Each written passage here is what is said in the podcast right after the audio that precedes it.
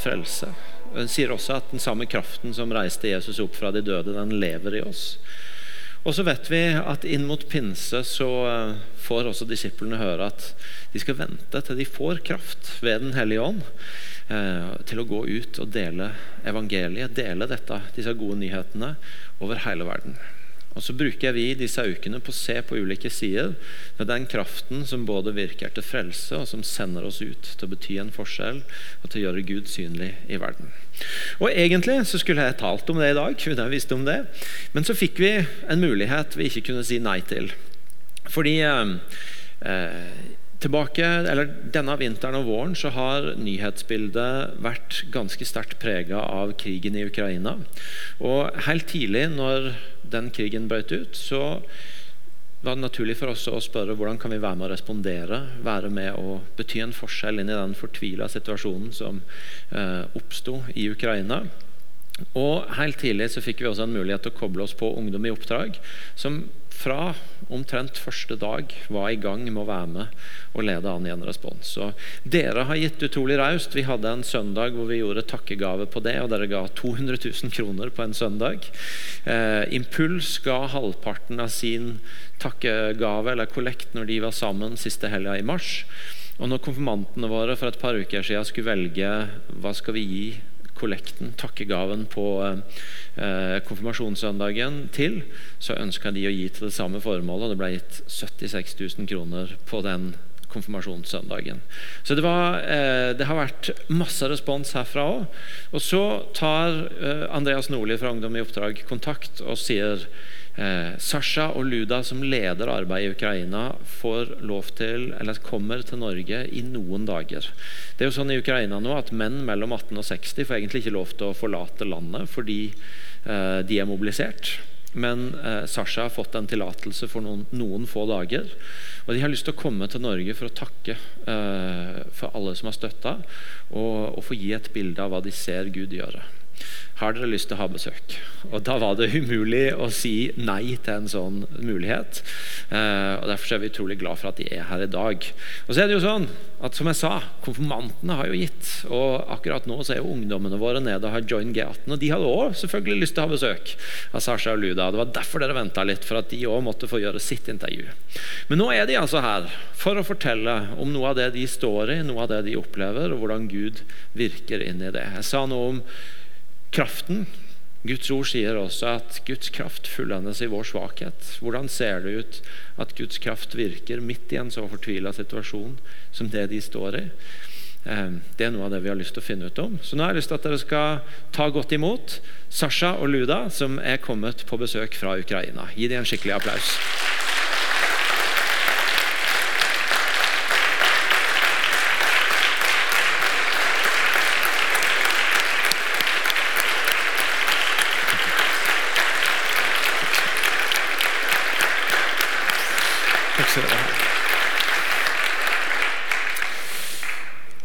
Luda, you're so welcome.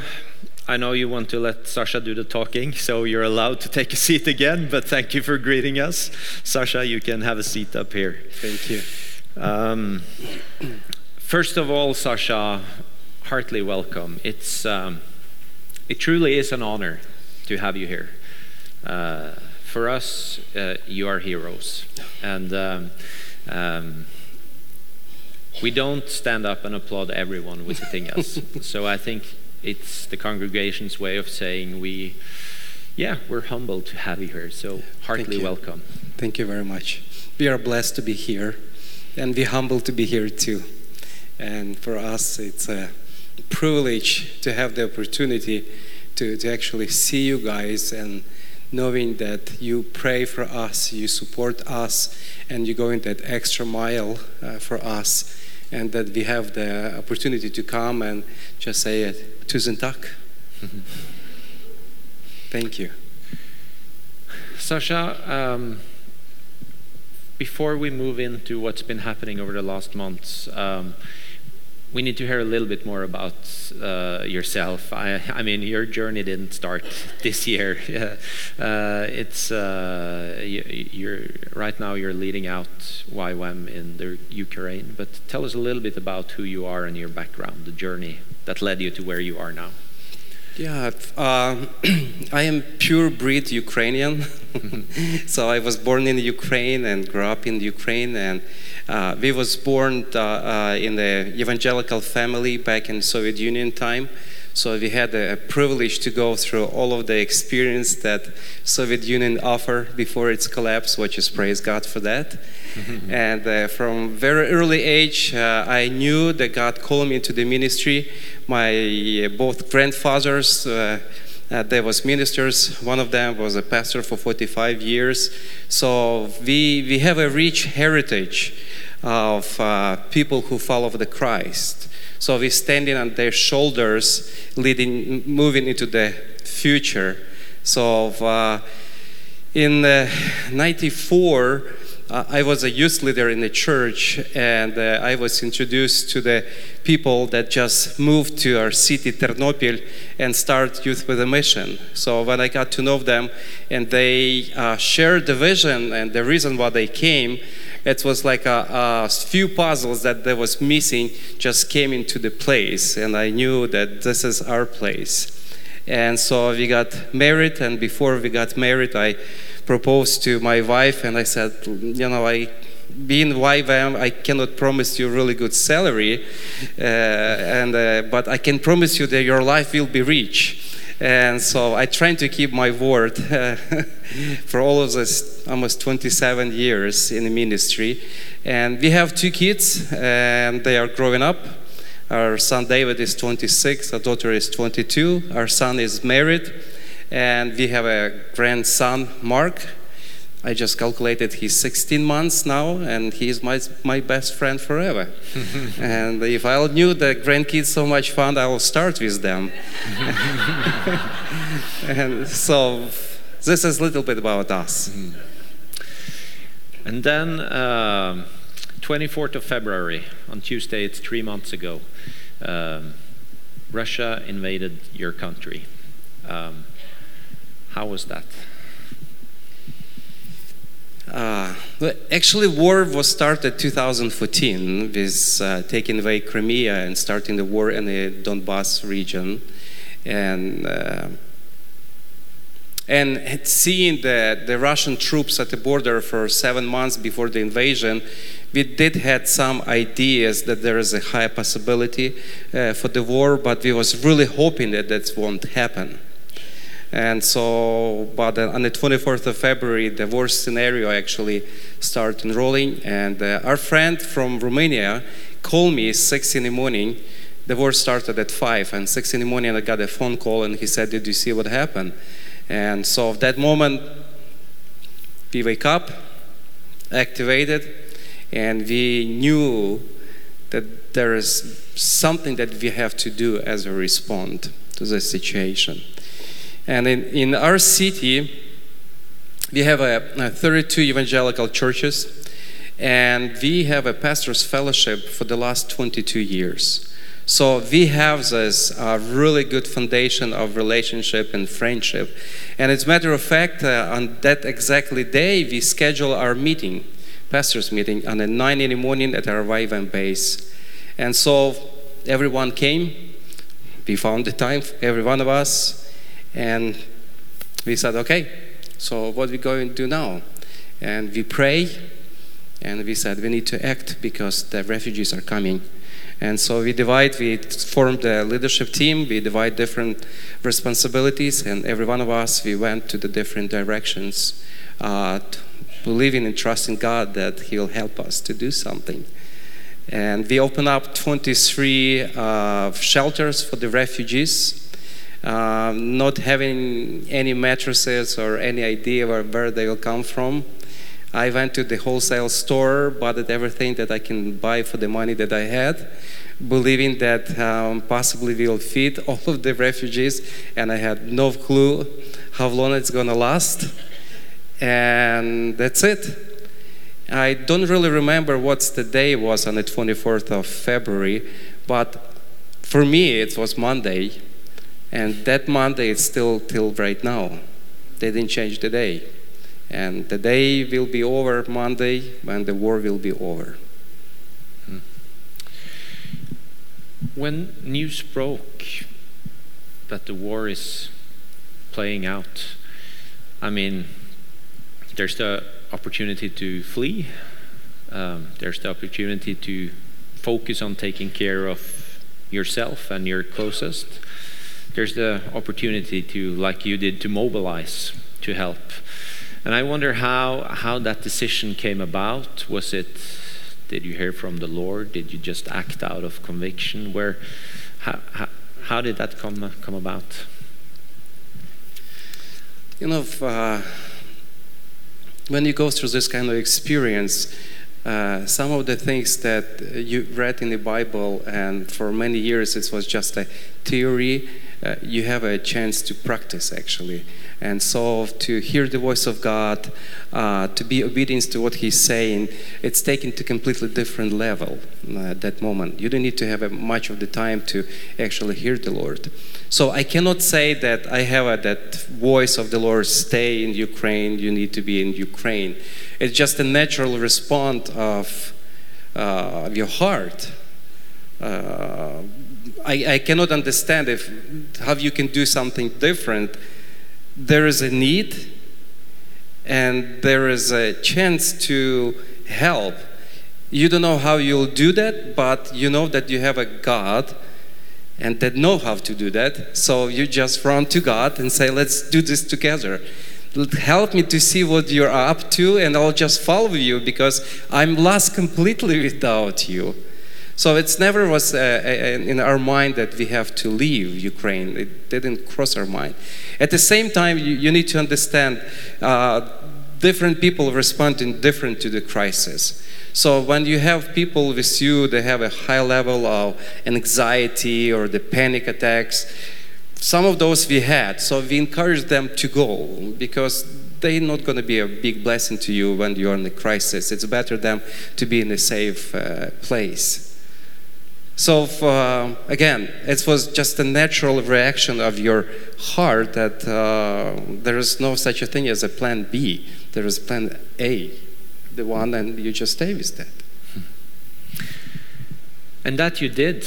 And one thing was the first, um, the first days, uh, kind of storing up what you could get from the wholesales. And uh, this morning you said that you didn't have any mattresses, so you used foam that yes. your friend had to yes. roll out. Yeah. And now it's been going for three months. Tell us a little bit about what you've been doing and if you have some concrete testimonies of things that have been happening, people you've been serving. Yeah. So on the second day of uh, the war, I got a phone call Actually, I think it was the, on the first day, uh, the, the leader of YWAM Norway, Andreas Nordli, or how do you say, Nordli? Yeah. Yeah, Nurli, yeah. And we are friends for a long time. And so he called and he said, we need to do something. And he said, we, we, we're going to do fundraising for relief work that you guys start, started in Ternopil and said, just trust in God that he'll provide. And uh, it was amazing to, to hear that, you know, the generosity that was flowing out of Norwegian people uh, from different churches, different organizations. And so on the fourth day of the war, we start seeing the first vans from Romania start coming, bringing supplies to us, uh, the food. And so we start getting from Germany, from Poland, from Netherlands, from Hungary, uh, some of the faces that we knew, the friends, the family uh, YWAM from different churches. The first semi truck came with uh, mattresses, and we, we replaced the foam that we put it on the floor. And so that's a testimony of the way how God was caring for us. At the same time, uh, we opened up those 23 shelters, and in some of the days in March, we had up to 3,500 people every night. And uh, that was quite overwhelming.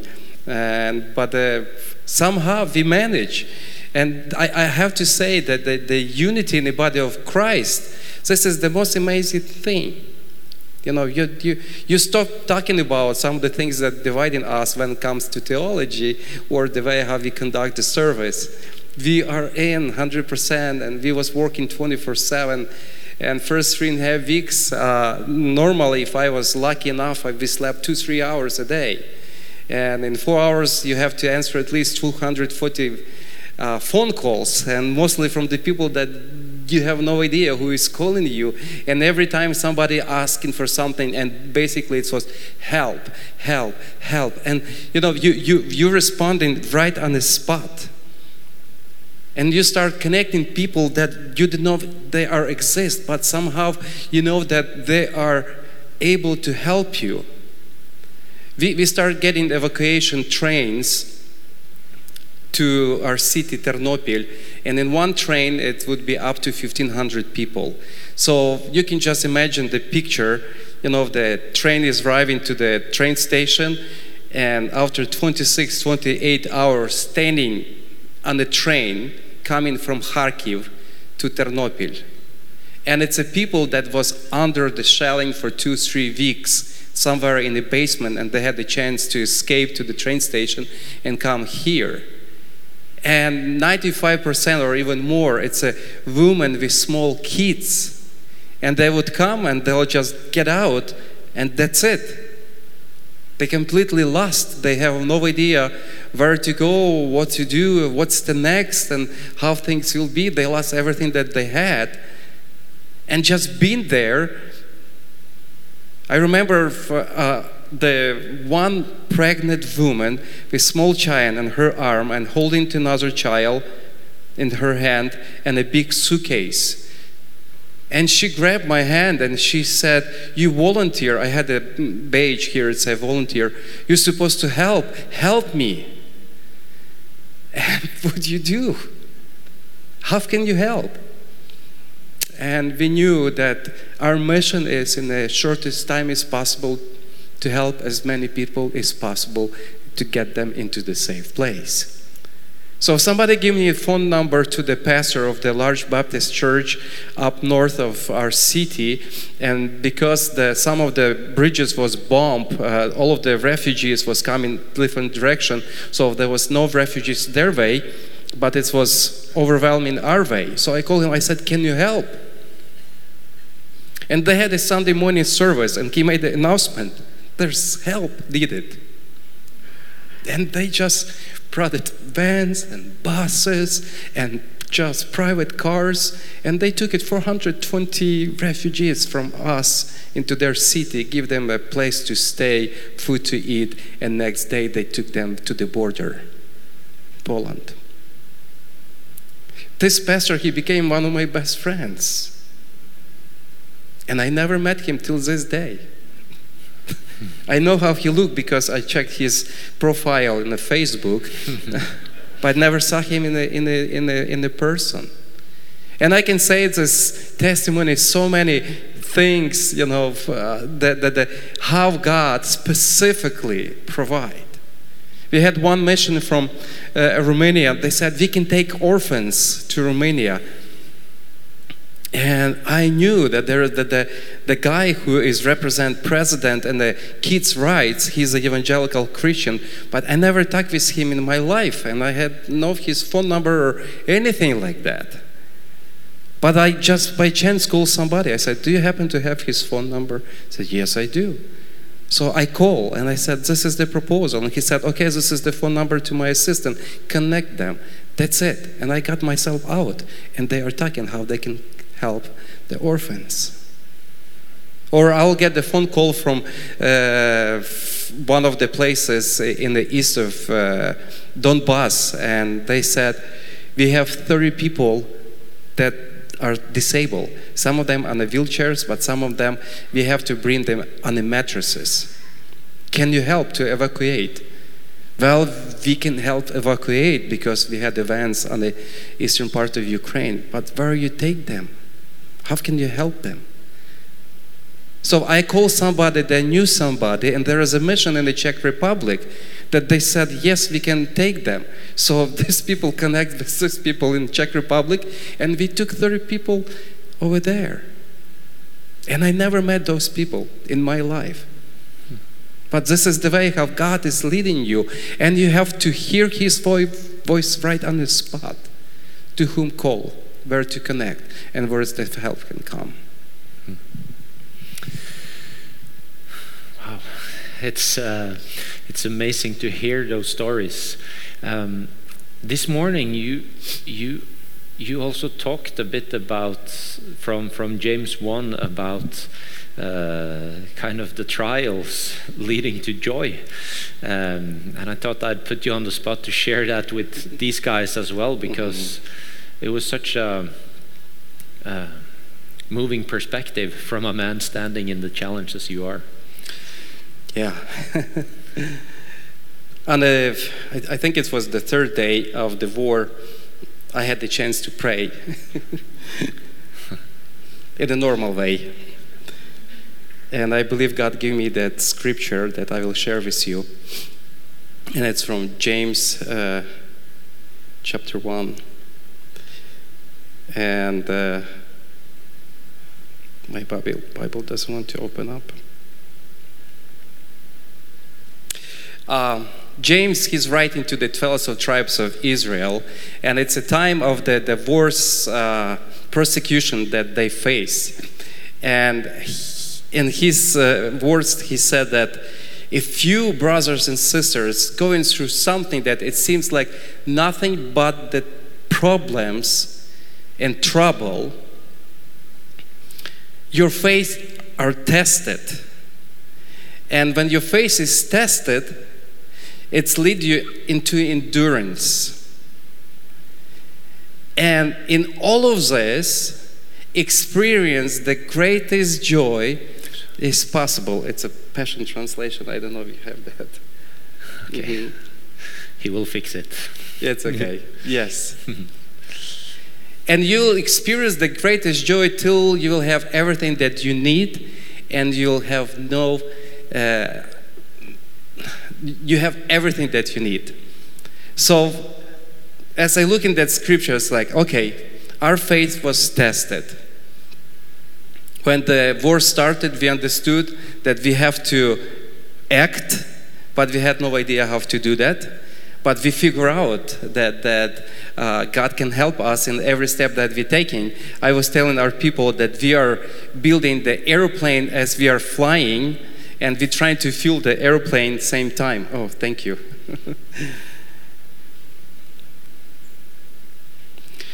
For you know that when your faith is tested, it stirs up power within, within you to endure all things. And then, as your endurance grows even stronger, it will release perfection into the every part of your being until there is nothing missing and nothing lacking. But before that, I'd say, my fellow believers, when it seems as though you are facing nothing but difficulties, see it as an invaluable opportunity to experience the greatest joy that you can. Thank you. Okay, our faith was tested. We see the God provision, the way how God provided for us, and how He was able to help the refugees the second way, it was uh, you move into the endurance. And I was thinking to myself, now it's uh, 89 days of the war. If I will knew that it will be that long, if would I? And the answer is yes, of course. Even knowing that it might take long time, you develop that endurance inside of you and trusting that God will be with you in every step. But the question is, in this scripture, it say, experience the greatest joy. How can you experience joy when you're completely surrounded by the pain and suffering, basically 24 7? You know, our cities are destroyed to the ground. Our best people are dying on the battlefield, and uh, women are raped, and kids uh, dying. And I mean, with all of this, how can you experience the greatest joy? And one of our uh, leaders in our mission in Ternopil, he came to me. He said, "There's too much pain. It's too much sadness. We have to find something that we can celebrate." And I said, "You know what?" The joy, it's, it's about have a right definition. What is the joy? And I said, I'm full of joy. I mentioned to you about this woman with the small child and the, the, the another kid, and she was pregnant.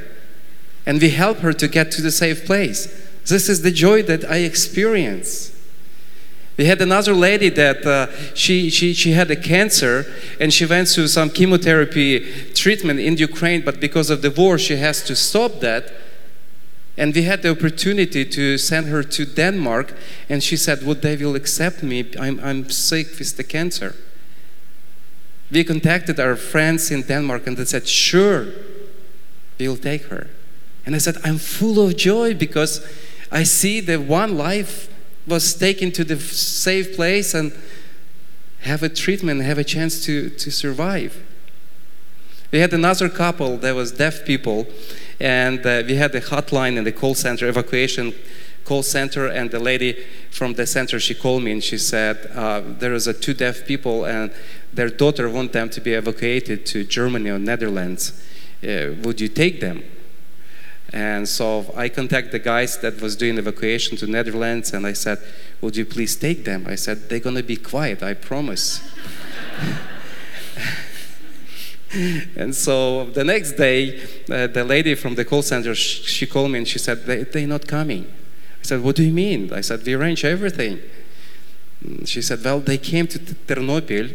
And they was reminded they forgot a pot of soup in their refrigerator back home. So they took a train, went back to Kiev to actually to take care of that business because they knew they'll be gone for a long time and that soup will be spoiled. And I mean, it was just a mind blowing. You know, we should give them a credit because it's uh, they cannot hear the explosion or shooting uh, because they deaf. So they, they felt pretty comfortable, you know. So it's all quiet and peaceful around them. so, but a week later, they came back to our city and we helped them to evacuate. And our friends, they found a deaf community in Berlin and they gladly accept them. So now I, am sure that this couple, they speak uh, a sign language in German, uh, not just in Russian or Ukrainian. And it's something that brings me joy. Or people who lost everything and they depend on the food supply from outside. And, you know, a friend of mine from Romania called me and he said, We're to send you 20 tons of food so you can feed the hungry. And it's bring joy to my heart. So it's possible to experience the greatest joy in the middle of, it seems like nothing but difficulties. Hmm. And just to be clear, so these understand as well, you don't say these things lightly. Uh, the pain of this situation is has hit you as well, hasn't it? You, you come from a place of pain as you share this. yeah. And that's my prayer. And I always pray and say, God, keep my heart soft. When you, uh, I remember we took a first bus to the Polish border when we was doing ev- evacuation, and it was about minus 10. That night was about 20,000 people at the border, and it took them seven hours to cross the border to Poland, walking. And I cry.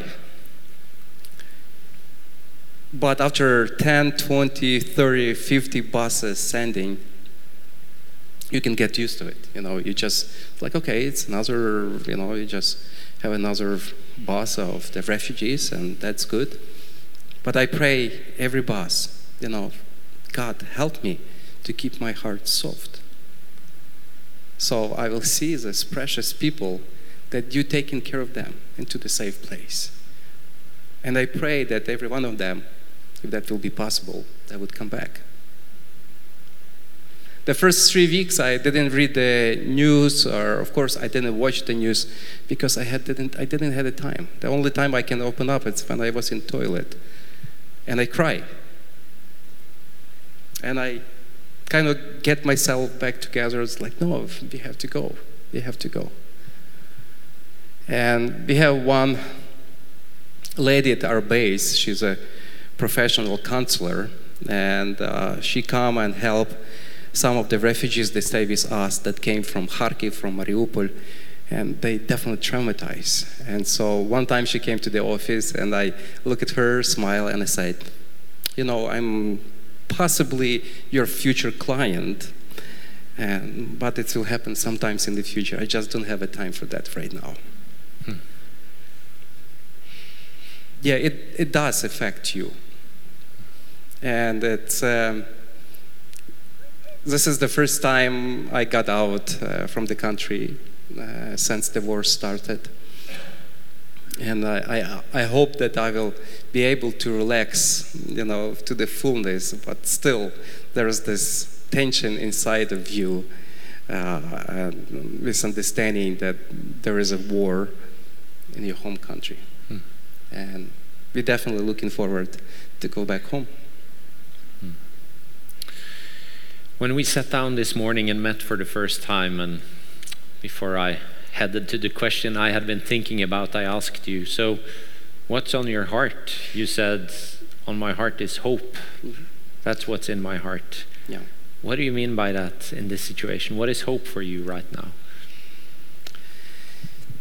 Um, in many ways, uh, in this kind of situation, you, feel like you are in a tunnel. And where we're at right now, it's uh, like right in the middle of the tunnel. That basically you depart from the beginning and you walk till that you don't see the light where you came from, but you don't see the light in another side of the tunnel yet. So it's basically like pitch dark. And at that moment, it's required the highest level of trust. Trust in God what is happening in Ukraine, you know, if uh, people ask why, why it's happened to us. Maybe we didn't pray enough. Maybe we didn't fast enough. Maybe there is a national sense that we didn't repent of. And all of the questions why? Why? And honestly, I don't believe that Ukraine is going through the punishment of God for being such a bad people. No, I don't believe in that. What I'm trying to see is that the, what is God is doing right now and to get his perspective because what is happening in Ukraine it will affect not just Ukraine it's not just the continent of Europe but actually the whole world and so the prayer is God help me to see what are you up to because you, you understand right now the awakening that happened not just in Ukraine, not just in the Europe, but the whole world are united over something that it's really shake. And it shake church, the body of Christ. And the way how the church responded, it's blessed my heart. And there is the reason behind. There is even though we're going through the pain right now and we don't know when it will be over, I'm looking forward with anticipation because there is so much great on another side that it's worthwhile to go through this pain. Maybe we as the Ukrainians are strong enough to actually pay that price. But in this journey, it's not just us it's all of us. So this is why we're here is to say, you know, guys, let's continue walk together. Let's continue to pay, play our parts. We have the soldiers that fighting in the front line. We have they have us on the back that we take care of their families and make sure they are in safe place. And there is you guys that stay a little further, but you provide those necessity, necessities, the needs that we have. So every one of us, we, we, we, we play our parts. We're going to see the big picture, but every one of us, we have this little tiny piece of puzzle that it's called our part, that we have to put it in that big picture. Because there is something much bigger that we can see or understand right now. And it's required from you and from me to have a spiritual eyes and understanding the nature and character of God, knowing the way how He relate to His creation, to understand that there is something greater that we never experience in our lives. Over 100 years ago, Uh, the, one of the first missionaries to China, Hudson Taylor, probably some of you heard about him, he prophesied and he said that days will come that the earth will experience revival like never in the history of humanity. And it's going to start in the places that was part of the Russian Empire. And we believe that Ukraine, we was part of the Russian Empire for so long time. We believe that, that this prophecy will come into reality. And this is what we're going to experience, all of us. It will shake this continent again. And Norway, you know, you guys, 100 years ago, there was the, the most sending mission force. The cross on your flag. The foundation of everything that you have right now, it was Jesus Christ. So this is what is happening right now. That, the God, He's bringing alignment to the point that every one of us will have a clear vision and understanding that this is evil and this is good. This is truth and this is lie. Not like every one of us have our own truth and we have to de- defend our own truth. It's over.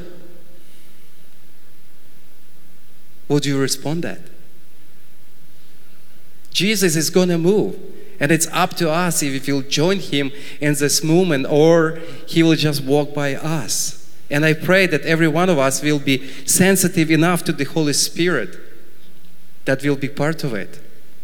And it's not about the church building or program, it's about Jesus that will be back in the center. It's not about how many people will baptize, but it's about how many people will fall in love with Jesus and follow him. So, this is my hope and this is my anticipation. The God is greater than what we see in the physical eyes right now. Hmm. Wow, thank you for sharing that. Um, I would love to ask a lot of questions, but time wise, we are moving to a close. Uh, we want to make sure we talk a little bit about what's ahead for you and how we can pray and support. But before that, what you just shared is something that is not just about you or Ukraine, it's about us as well. And you said something about everybody finding their part in the puzzle. And so we will pray for you, but I would love to ask would you pray for us um, uh, as the Spirit leads you? Gladly. Thank you.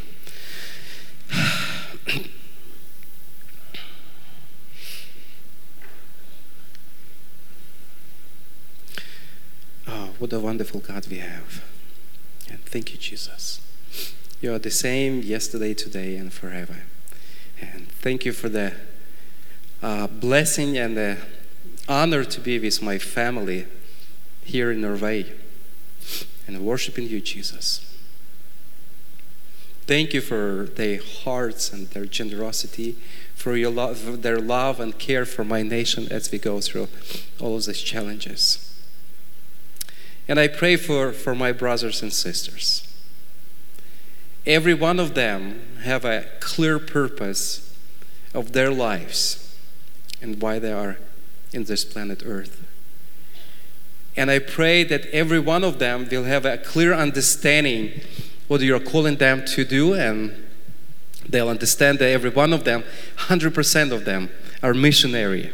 They, need, they just need to discover what their mission field for them and they'll bring your light into that place. Jesus, I pray that you will reveal yourself in a nation Norway like never before. They will rediscover some of the things that they will bring back into the middle and say, This is the Jesus that we worship. This is the God that we follow. And I pray that what is going to happen, it will be contagious to the others, that they will see that there is a bread in the house and they'll come and they'll participate in that celebration of you, Jesus. Bless my friends, bless my family, Lord, and let your perfect will will be done in their lives. And give them the courage to receive whatever you have to them because what you have is the best for them, is the best for their lives. I pray for you for the unity in the body of Christ in Norway. That everyone will see the love that is in a body and be testify that this is my disciples, as you said, Jesus. Thank you for uniting us through the different borders and you actually taking down them, Lord, so we can hug each other and we can participate in the life of each other with understanding that we do need each other, but most of all, we need you, Jesus.